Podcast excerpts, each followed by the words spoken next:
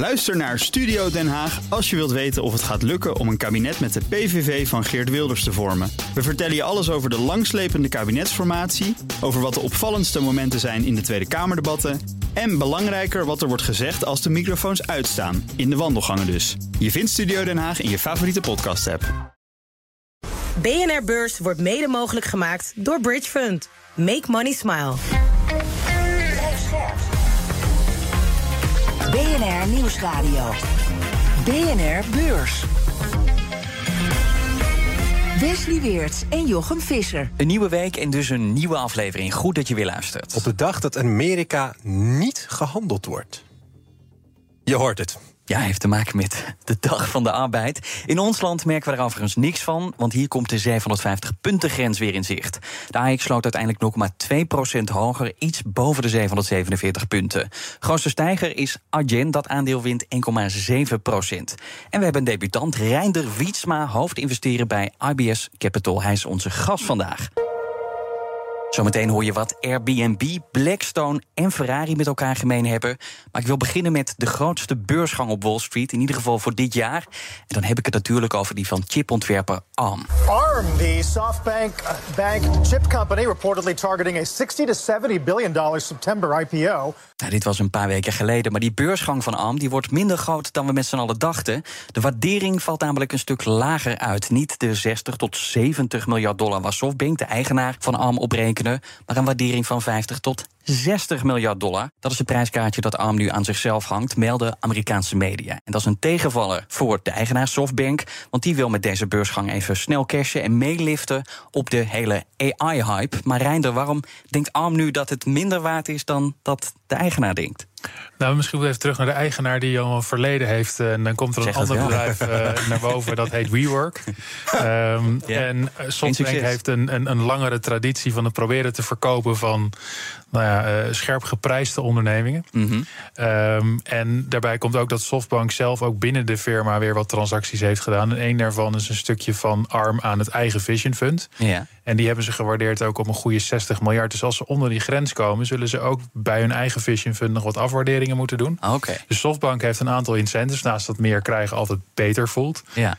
Um, en ARM zit natuurlijk iets anders in de wedstrijd. Omdat ze natuurlijk een, een IPO willen doen voor nog niet eens 10% nu. Ja. Uh, waar ze later ook meer kunnen verkopen. Maar ook een beetje interne moraal hoog. Als je een beursdebuut doet en gelijk nou ja, de koers een heel stuk lager staat, zegt, straalt dat ook negatief op je af. En alleen, um, jij noemde net ook WeWork al als ja. naam. Dat is achteraf een beursfiasco gebleken. De, de ARM, moeten we daar, kunnen we daar wel iets positiever over zijn? Veel, veel en veel positiever. En het is ook een veel beter businessmodel. Um, ik ben ook niet uh, erop uit om te zeggen dat ARM hetzelfde nou ja, lot beschoren is als WeWork. als je eenmaal een naam hebt gebouwd op Wall Street voor het uh, misschien ook willen verkopen van uh, hopes and dreams voor hoge prijzen, dan nou ja, komt het je een keer inhalen. Chinese banken staken miljarden yuan in Russische banken sinds de oorlog met Oekraïne begon.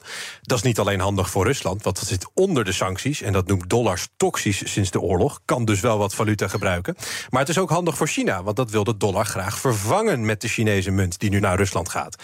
En de grootste Chinese staatsbanken die hebben nu bijna vier keer zoveel geld in Rusland zitten als voor de oorlog. Oké. Okay. En Rusland gebruikt ook voor de export steeds meer yuan. Dus ze willen een alternatief voor de dollar. Nou, ik vind het ambitieus van Rusland en China. Het gaat om twee valuta die buiten hun eigen landen eigenlijk niet heel populair zijn. En ik ben benieuwd of, of China überhaupt wel om wil gaan met een yuan die buiten China verbanden gaat leggen. Ja, al wekenlang gaat het over dat mogelijke faillissement van Country Garden. Hè, dus die andere Chinese vastgoedreus in de mm -hmm. problemen naast Evergrande. Het bedrijf heeft de grote moeite om zijn leningen terug te betalen. Maar er is nu een klein beetje goed nieuws, want Country Garden heeft een deal gesloten met verschillende schuldeisers en heeft jaren langer gekregen om zijn schulden af te betalen. The nation's top private developer won agreement from creditors to repay a key debt over three years instead of by the early September deadline. Shares in the firm surged more than 13% in early trade Monday. En daarmee is een faillissement voorlopig afgewend.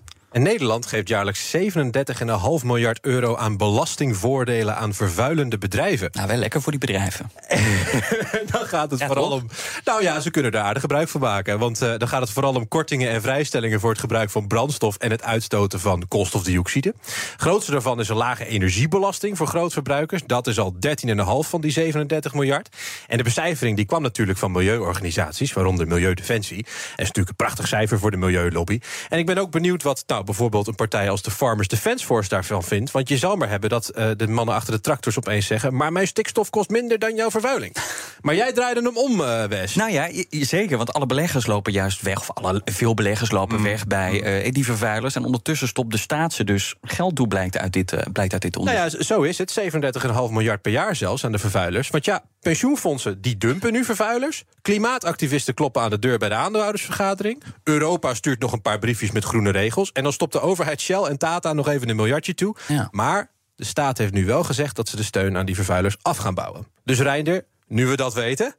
Moet je überhaupt wel beleggen in binnenlandse vervuilers als de politieke wind zegt dat de belastingvoordeeltjes straks wegwaaien? Nou, ik denk dat het lastig is om die als groep er specifiek uit te halen. Want binnenlandse vervuilers zijn nauwelijks op die manier beursgenoteerd. Ik heb wel een heel klein beetje moeite met dat enorme getal. Want het feit dat sommige bedrijven op hun gasconsumptie bijvoorbeeld geen belasting betalen, of een heel stuk minder dan wij als particuliere huishoudens doen. Uh, is niet direct een subsidie. Ik, bedoel even, ik betaal thuis ongeveer 1,30 euro voor een kuub gas. En er zit mhm. een euro belasting in. En als je als grote onderneming in Nederland iets maakt en je gebruikt gas, dan verbruik je, betaal je minder belasting. Dan kun je zeggen, nou, dat moet ook 1,30 euro zijn. Dat, dat is dan vaak een eurotje meer per kuub. Um, maar vervolgens doe je dat en dan zegt het bedrijf: ja, dat kunnen we niet. Want in België, Duitsland, China, uh, Afrika, noem een andere plek op de wereld, betalen we die belasting niet. Die kunnen het product veel goedkoper maken. Vervolgens stop je het op de boot, scheep je het hier naartoe op hetzelfde product. Alleen heb je hier dus niet die milieuwinst. Dus het grootste gedeelte is eigenlijk gewoon een lagere belasting. Maar dat is niet een subsidie. Ik bedoel, als het zo werkt, ja, dan krijg je ook heel veel loonbelastingssubsidie, want hij is niet 100 procent. De hele week krijg je vijf topaandelen van onze gasten. Elke dag een ander topaandeel. Vandaag een failliete kledingfabriek die nu bijna 800 miljard dollar waard is. Airbnb, Blackstone en Ferrari. Ze gaan meedoen op het allerhoogste niveau op de beurs. Ferrari promoveert naar de Eurostox 50, zeg maar de Champions League van de Europese beurzen. En Airbnb en Blackstone behoren straks tot de cream de la cream in Amerika. Want die krijgen een plekje in de S&P 500. Promotie dus. Maar ja, wat doet dat nou met het aandeel, Reinder, zo'n uh, promotie? Nou, in de regel is zo'n promotie tijdelijk in ieder geval gunstig. Want op het moment dat je in zo'n index komt... zullen ook heel veel passieve beleggers... die bijvoorbeeld de S&P 500 of de Eurostox 50 als index volgen... Ja, daar ook in moeten gaan beleggen. En dan komt er eigenlijk by nature een enorme flow op gang. Als in er zijn heel veel beleggers die geforceerd ook een stukje Airbnb... of Blackstone of Ferrari gaan kopen. Mhm. Ehm, ja, en als er meer vraag is naar iets en uh, evenveel aanbod... dan stijgt vaak de prijs. Ja. Uh, dus wat je op de korte termijn ziet is vaak een, een soort inclusion effect. En eigenlijk het gekke is op het moment dat ze erin zitten... dan stopt dat ook direct. Want de partijen die natuurlijk weten dat ze erin komen... ze komen er dan binnenkort in. Ja. Die frontrunnen dat. Als in er zijn actieve beleggers die daar dan weer een spelletje van maken. Na beurshandel zag je inderdaad ook Airbnb, Blackstone... het bekendmaken van het nieuws ietsjes omhoog gaan. Precies, en uh, dat duurt dan even als in je frontrun dat. Je weet dat het eraan komt, je kunt het nu vast kopen... je hoopt het over een week voor iets meer aan de indexfondsen dan te verkopen... en vervolgens hmm. is dat effect op en dan loopt het vaak ook, uh, ook weer terug. En dat van dat rijtje, wat, wat vind je het interessantste bedrijf? Want beginnen we daarmee. Oeh, ik denk dat uh, Airbnb me het meest fascineert. Omdat het nog steeds eigenlijk een vrij nieuw model is. Ook concurrentie met Booking.com en de houdbaarheid ervan. Ze hebben natuurlijk van een platform ook een, een term gemaakt. Als in het is gewoon een noun. Je zegt ja, ik heb een Airbnb gehuurd. Dat is natuurlijk altijd heel knap. Ik, we hoeven niet meer uit te leggen wat het is. Nee, nee iedereen, iedereen weet dat. En dat is, dat is hartstikke knap gedaan. Ze hebben ook een, net toen de pandemie begon een bijna doodervaring gehad als onderneming. Omdat ze ineens eigenlijk hun businessmodel stopten. Ja. En het kapitaal was nou ja, schaars. Ze zijn net daarna ook als een van de eerste eigenlijk uit de kracht weer naar de beurs gekomen hebben wel een hele moeilijke periode gehad ook fors gesaneerd doen en hard ingrepen, omdat het ineens, ja, het, het stopte, de wereld stopte. Kunnen we ons nu nauwelijks meer voorstellen. Mm Gelukkig. Um, en je ziet dat ze wel op een, ze op een populaire periode naar de beurs gekomen, maar de onderneming, als belegger heb je er nog niet heel veel aan verdiend. Nee, ik wil net zeggen, want als je nu kijkt inderdaad naar uh, de, de, de, het aandeel, dan zie je eigenlijk dat dat nauwelijks van zijn plek is gekomen. De beursgang was drie jaar geleden. Nou, het is nog steeds even veel water ongeveer. Hoe zeker, komt dat? Nou ja, het was populair natuurlijk, want we zaten eigenlijk weer in de reopening en Airbnb ging daarna weer, weer de goede kant op. En er is ook, ook een periode geweest waarin veel tech-ondernemingen behoorlijke beurswaardering hebben gekregen. Airbnb lifte daar uh, fantastisch op mee. Uh, maar als je me kijkt, het verhaal van Ferrari is al langer gewoon eigenlijk heel bekend en plain. Het is een heel mooi merk en nou ja, ze verkopen auto's voor hele hoge marges. Het lijkt meer op een luxegoed. Ja. Uh, maar Airbnb is gewoon nog wat dat betreft wat spannender. En ik vind het ook wat leuker om het, uh, laat ik het academisch perspectief noemen. uh, maar om het op die manier te volgen en op die manier eigenlijk een beetje te zien waar zo'n onderneming naartoe kan. Hoe dat met concurrenten gaat. Want Booking ziet het ook. En weet natuurlijk ook die markt in te breken. Alleen als we dus naar de beurskoers kijken, dan zien we weinig verbetering. Maar kijken we naar de resultaten van Airbnb, die zijn wel echt een stuk beter dan tijdens de beursgang. Want toen maakte het vuurplatform nog een miljard verlies. En nu netto een miljarden winst. Ja. Maar dat wordt niet beloond. Waarom niet? Nee, nou, de vraag is altijd wat zat er bij die beursgang dan aan verwachtingen ingeprijsd. En de verwachting was natuurlijk altijd een heel stuk beter ga, uh, zou gaan. Plus dat waarderingen uh, in die tussentijd ook behoorlijk zijn ingekomen. Je ziet vaak dat, dat ondernemingen onderliggend hartstikke goed performen. Ja. Uh, maar dat beleggers al meer hadden ingeprijsd. En dat er eigenlijk in de koers dus soms als negatieve resultaten zijn. Terwijl het bedrijf hartstikke goed gaat. En, en dat, die netto winst, hebben ze dat ook te danken aan al die, ja, die hele reorganisatie die ze hebben doorgevoerd tijdens en misschien net na de corona? Nou ja, ze kwamen lean de beurs op, als in ze hadden de organisatie op orde. Want ja, als je eenmaal in zo'n periode hebt dat er geen geld is, dan uh, heb je dat de organisatie zelf wat strakker gerund. En vervolgens hebben we natuurlijk een enorme ja, reopening trade gezien. En uh, waren ze nog populairder dan dat ze al waren. En de, de promotie van Airbnb naar de SP 500 ja. komt een beetje ongelukkig. Want New York legt de verhuur van vakantiewoningen drastisch aan banden. Oh, daar gaat je businessmodel ja. weer. Eerst corona, nu nou dit. We hebben weer een platform dat met de regelgever in de aanraking komt, zeg maar. Is dat een bedreiging voor Airbnb nog? Moet je daar als belegger op blijven letten? Zeker. Ik denk dat overigens dat Airbnb als voordeel heeft dat ze zo groot zijn dat ze nou, naast New York nog veel andere plekken hebben. En uh, als platform uh, kan het ook betekenen dat er meer aanbod komt, omdat je niet uh, meer per permanent in een appartement mag zitten. In Amsterdam is het geloof ik 30 dagen geworden dat je per jaar je appartement mag Airbnb. Mm. Um, dus ja, die regelgeving uh, maakt ze aan de ene kant ook, ook vaak sterker. Want je ziet de partijen die eenmaal die regelgeving, belasting, inning, et cetera, allemaal kunnen incorporeren in het platform. Natuurlijk ook weer uiteindelijk een streepje voor hebben. Al is het vaak een pijnlijk proces. En dat zien we bij Uber en bij heel veel andere partijen terugkomen. Nou ja, strengere regels, lage marges, veel weerstand uit de samenleving. Platformbedrijven die hebben het dus vaak moeilijk. Mhm. Maar moet je er nou in beleggen of niet? Want jij noemt het academisch perspectief. Nou ja, dat ik zeg, wat ik wilde zeggen is dat ik het interessant bedrijf vind om te volgen. Omdat het gewoon minder uitgekristalliseerd is. Juist zo New York, maar ook in Amsterdam, al die, die regelgeving. Het is gewoon moeilijker om het in te schatten. En daarom is het ook een grotere uitdaging als belegger. Als je zegt, ik wil zo'n individueel aandeel kopen. Om dat, om dat te doen. Je kan ook de S&P 500 kopen nu. Dan uh, zit je er ook een beetje Spannend. Ferrari dan, want jij noemde dit net al. De, de, als je kijkt naar dat aandeel, dan is het verzevenvoudigd. Dus op de beurs doen ze het dan wat beter dan Airbnb. En jij zei net wel wat interessants. Hè? Want je kunt Ferrari vergelijken met een BMW of Mercedes. Maar ook met andere luxe merken als LVMA en Hermes. Ja. Met, met, met wie kan ik ze beter vergelijken? Oh, de, de, de laatste twee. Ja. Het, het lijkt veel meer op Hermes en Louis Vuitton dan op Mercedes. Het is een luxe, uh, luxe merk dat toevallig auto's maakt. Ja, 100 procent. Het is daarin ook uniek in zijn soort. Want ook Aston Martin is beursgenoteerd, maar dat lijkt bij far niet op wat Ferrari is. Mm -hmm. um, kijk, het mooie eraan is dat je net als bij Hermes, een systeem hebt waarbij je het omdraait. Er zijn heel veel mensen die graag je product willen kopen, maar je zegt nee. En het gekke is dat voor een bepaald subgroepje, dat noemen ze heel mooi Fabulous goods, maar dat zijn die speciale goederen waarbij als je de prijs omhoog gaat doen, ja. de vraag nog hoger wordt. En daar is Ferrari één van. En Ferrari is er absoluut één van, want het is natuurlijk naast dat het een Formule 1 team is en jongensposters, is het ook gewoon een speeltje voor mensen die al een aantal Ferraris hebben, dat ze de limited edition van de limited edition mogen kopen, waar ze alleen op uitnodiging voor worden uitgenodigd. Je hebt ook een Ferrari club, toch? Daar hoor je bij. Ferrari Club. uh, nou ja, nee, maar dat is dan ook echt een unieke club. Want er zijn niet heel veel mensen die meerdere Ferraris uh, hebben. En dat zijn natuurlijk ook mensen die zich graag uh, met elkaar identificeren. En, en, wat doet Ferrari nou beter dan andere luxe merken? Want zij zijn echt winstmarge koning van de auto-industrie. Als je dan, dan toch ook even vergelijkt met andere automerken. Je moet er altijd eentje minder maken dan dat de vraag is. Dat, dat, zo, schaarste is het belangrijkste. Want kijk, het is, het is, Maserati heeft het ook gedaan. Op een gegeven moment meer volume draaien. Maar toen hadden we in. Ik kom in Amsterdam en zag je op een gegeven moment taxis rondrijden. En dat waren Maserati diesels. Ja. En dan ben je klaar als merk. Maar hoe groei je dan? Nou ja, in het geval van Ferrari is het dus een kwestie van zorgen dat je je, je, je hoeveelheid auto's beperkt. Hogere prijzen, luxe edities. En natuurlijk is het er, er zijn Ferrari teamparks, er zijn kledinglijnen, eh, er zijn van alles nog wat ja, Als je geen uh, Ferrari kunt betalen, kun je wel de petjes kopen. de petje, het ziet er ook nog best goed uit, een Ferrari jasje of petje. Bedoel, er is niks nou. mis mee. uh, voor, de, voor de Max Verstappen fans dan weer niet. Maar het is, het is een mooi merk. Ik bedoel, er is iedereen het over eens. Ik bedoel, ook liefhebbers van andere Formule 1 teams zullen altijd zeggen dat Ferrari iets, iets speciaals heeft. En dat is natuurlijk wat het zo, zo mooi maakt. Nou ja, die auto's zijn peperduur. Aandeel is ook echt peperduur. Ik zie 56 miljard aan beurswaarde staan. Nou, bijna 50 keer de koers-winstverhouding. Eh, gebeurt hier hetzelfde als bij de auto's?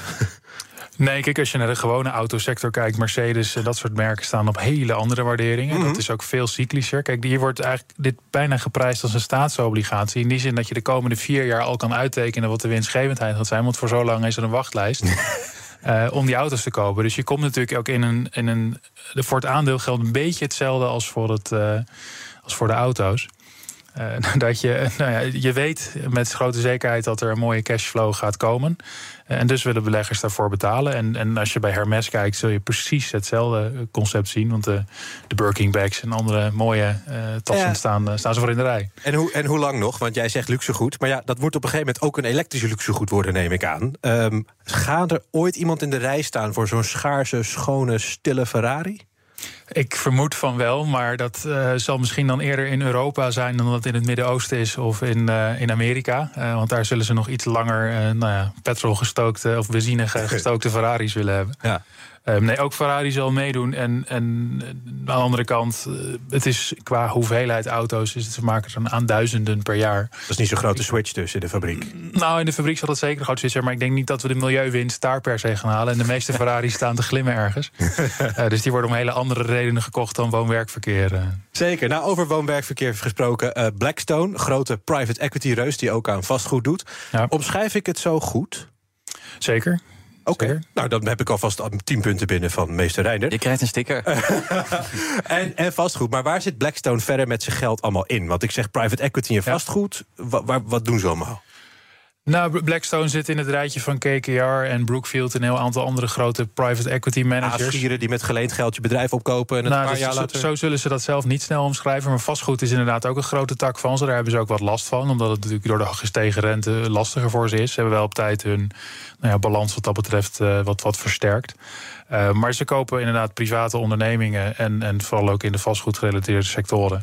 En uh, verkopen die na een tijd ook weer, weer door. maar het is eigenlijk een, een beheerder van vermogen... voor deels voor zichzelf, maar vooral ook heel veel voor anderen. En nogal wat vermogen, want dat, de, die grens van 1000 miljard dollar onder beheer... die is net bereikt. Drie jaar eerder dan de bedoeling was bij Blackstone. Hoe lukt ze dat eigenlijk? Nou, ik denk dat je de trend iets breder ziet. Dan zie je dat het een heel grote trend ook is van beleggers, ook pensioenfondsen en andere clubs, om meer te gaan beleggen in private markten. En dit soort vehicles, deze ondernemingen zijn heel, heel, geschikt om dat te doen. Omdat ze de capaciteit hebben, de teams hebben. Ja, dan komt er veel groot geld binnen. En dan kun je denken aan staatsfondsen, maar ook onze eigen pensioenfondsen... die deze bedrijven gebruiken om nou ja, die allocatie te willen verhogen. Mm En die trend is nog lang niet over, want er is gewoon een, een hele lange onderstroom, als ik het zo mag zeggen. Wel discussie over in Nederland, hè, over de kosten van private equity voor uh, In Nederland is gelukkig over bijna alles discussie, dus dat, scheelt, dat scheelt weer. Uh, maar dit geld komt zeker niet alleen van Nederlandse pensioenfondsen, maar is een, is een wereldwijd fenomeen. BNR Beurs. We zeiden het al aan het begin van deze uitzending. De Amerikanen vieren Labor Day, de dag van de arbeid. En dus in, zijn in New York de beurzen dicht. Vlak voor het weekend kwam wel nog dat banenrapport uit. Hm. Daar heeft iedereen naar gekeken. En wat blijkt daaruit? Of het lijkt in ieder geval zo alsof die Amerikaanse arbeidsmarkt aan het afkoelen is. De werkgelegenheid nam weliswaar toe, oftewel het aantal banen blijft stijgen. Maar tegelijkertijd bleek ook dat de werkeloosheid toenam. En dat is waar beleggers op hoopten. Want stijgende werkeloosheid dat duidt op een langzame afkoeling van de economie. En een afkoelende economie betekent minder inflatie. En dat geeft de Fed dan weer reden om te stoppen met het verhogen van de rente. BNR Beurs. Eén week lang, één vraag aan vijf gasten. En elke week een andere vraag. En deze week is dat: wat is jouw favoriete aandeel en vooral waarom? Vandaag een leerzaam aandeel, want daar gaan wij het over hebben, of niet, Rijden? Zeker, zeker. En welk aandeel heb je uitgekozen? Nou, ik heb Berkshire Hathaway uitgekozen. En ik, ik twijfelde heel even, maar um, Berkshire Hathaway is natuurlijk al heel lang beursgenoteerd. Uh, iconisch in die zin dat het altijd synoniem is met de uh, nou groot aandeelhouder van Warren Buffett. Die het ooit gekocht heeft uh, toen het nog een textielbedrijf was in Omaha, Nebraska. En toen was het eigenlijk een belegging die hij deed omdat hij dacht dat er net iets meer geld in de onderneming zat dan dat het waard was op de beurs. Dat een cigar heette dat zo mooi, maar dat is het laatste stukje sigaar dat er nog te krijgen was voor heel weinig geld. Mm -hmm, en dat is omgeturnd tot een onderneming die nu een beurswaarde heeft van 800 miljard. En eigenlijk nooit door zelf een bedrijf te beginnen of door zelf iets te doen, maar alleen maar door het geld dat de onderneming creëerde weer te herinvesteren in andere ondernemingen. En ik denk dat voor iedere belegger de, nou ja, de, de route die Warren Buffett gelopen heeft daarin ongelooflijk leerzaam is. Omdat hij gegaan is van nou ja, de cigarbut, zoals dat zo mooi heet. Dus maar hele... Even uitleggen, je koopt voor heel erg weinig geld iets wat eigenlijk al weinig waard was... en hou je nog een beetje wat uit. Ja, je hoopt eigenlijk dat je voor 50 cent iets van een euro kan kopen. En als je dat een paar keer doet, nou, dan, dan hoop je dat echt klassiek value beleggen. Uh, maar een tijdje is hij er ook van afgestapt. En dan heeft hij bekende merken gekocht. American Express, Coca-Cola. Um, en nog veel later heeft hij op een gegeven moment... toen hij heel veel geld ook onder beheer had... want hij heeft nu ook een cash pile, dus een hoeveelheid geld... van bijna 150 miljard. Wat natuurlijk een ongelooflijk onvoorstelbaar groot bedrag is. Ja? Uh, maar heeft hij ook een enorm belang gekocht in Apple. Uh, toen nog voor 40 miljard. En dat belang is nu slechts 150 miljard plus waard. Um, dus ook op schaal. Dus hij gaat natuurlijk van heel klein. En dan is het beleggen echt heel anders dan dat je met tientallen of honderden miljarden moet beleggen. En dat heeft het altijd ook volgehouden om zichzelf eigenlijk aan te passen. Um, en natuurlijk een, een track record gebouwd in die zin in de financiële crisis. Um, iedereen wilde, en dat zie je in films ook wel eens terugkomen. Misschien wil Warren Buffett een stukje van ons bedrijf kopen. Misschien wil Warren Buffett ons support. Mm -hmm. Maar ook zijn merk gebruikt om, mm -hmm. om, hele goede deals te doen voor zichzelf. Uh, die reputatie, die kennen wij allemaal. We weten allemaal beste belegger op aarde. Ik zag in het jaarverslag staan 19,8% per jaar sinds 1965. Dat ja. doet niemand hem na. Nee. Maar ja, er zijn duizenden managers zoals jij die dat zagen. En die dachten, ja, prijs uitrekenen, aandeel goedkoper kopen. Cigar butts, ik ken de termen, we gaan het doen. Ja. En dan doen ze dat een keertje en dan laten ze de principes weer varen... en dan is hun track record kapot. Waarom is er niemand anders die decennia lang deed wat Buffett deed? Nou, ik denk het eerste is gewoon tijd. Dus hij, heeft, hij is natuurlijk zo lang geleden begonnen. En bedoel, toen hij 65 was... En toen was, het makkelijker? Of? Toen was het anders, omdat je als je informatie wilde... had je niet het internet, dan moest je letterlijk naar de bibliotheek... of kreeg je per mail een jaar, of per post een jaarverslag. Dan ging ik al digitaal. Uh, kreeg je per post een jaarverslag opgestuurd. En als je, een, uh, als je dan die jaarverslag echt ging lezen... had je op dat moment ook meer informatie dan de markt. Nu is er zoveel informatie dat je nooit meer in staat bent... om dat allemaal te verwerken als persoon. Dus die, ja, het is anders. Uh, maar de institutionele druk voor veel professionele beleggers nu is het natuurlijk heel anders. Als jij een beleggingsfonds ophaalt en zegt ik ga value beleggen en je zegt volgens kan niks vinden, kom volgend jaar maar terug en je houdt het geld al die tijd cash. Mm -hmm. Dan gaan natuurlijk ook heel veel mensen vragen, maar waarom beleg jij voor mij? En bij Buffett is ondertussen natuurlijk een reputatie, maar ook een structuur. Het is niet een fonds, maar het is een, een onderneming. En hij is een CEO van die onderneming en tegelijk ook de belegger binnen die onderneming. Maar jij selecteert het nu nog steeds als, als topaandeel, jouw favoriete aandeel uh, uh, zelfs. Terwijl je ook uh, kunt zeggen, nou ja, zo goed doet Buffett het niet meer de laatste jaren. Het aandeel doet het dus ook niet meer beter dan de S&P 500. Dus hoe relevant is het nog?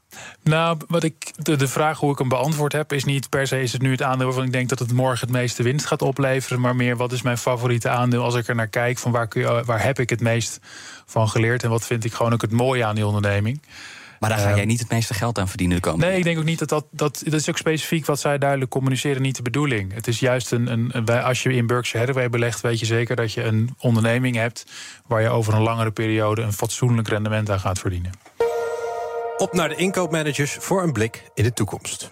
Deze dag staat volledig in het teken van de inkoopmanagers. Het verhaal is bekend. De inkoopmanagers vullen voor Standard Poor's en andere firma's een vragenlijstje in. Elke maand weer. En als ze zeggen dat ze meer gaan bestellen deze maand... dan mag de economie een opsteker verwachten. Als ze zeggen dat ze minder bestellen, dan gaat het minder. Van Japan tot Italië, van China tot het Verenigd Koninkrijk... ze vallen de hele ochtend op de mat. Met de inkoopmanagers van de Verenigde Staten... en de eurozone als geheel als afsluiter. Wie nog een beetje kleur toe wil voegen aan die verzamelingscijfers... kan daar nog de fabrieksorders van de VS aan toevoegen voor de maand juli. Inkoopmanagers kijken vooruit, deze fabrieksorders kijken achteruit. Maar wie een patroon wil zien, doet er goed aan om ze even te combineren. De eerste van de week zit erop. Dankjewel, Reinder Wietsma, hoofdinvesteren bij IBS Capital. Het was je eerste ook, kom je nog een tweede keer terug? Als dat mag, dan uh, laat ik me graag uitnodigen. Graag. Bij deze zeker, graag, inderdaad. Morgen een nieuwe BNR-beurs. Fijne avond en tot morgen. Tot dan. BNR Beurs wordt mede mogelijk gemaakt door Bridge Fund. Make money smile. Ook Liesbeth Staats vind je in de BNR-app. Ja, heel handig. Luister live naar Kees en mij tijdens de Daily Move. Dan blijf je ook gelijk op de hoogte van breaking news en het laatste zakelijke nieuws. En daar vind je ook alle BNR-podcasts, waaronder de Perestrooikast. Download nu de gratis BNR-app en blijf scherp.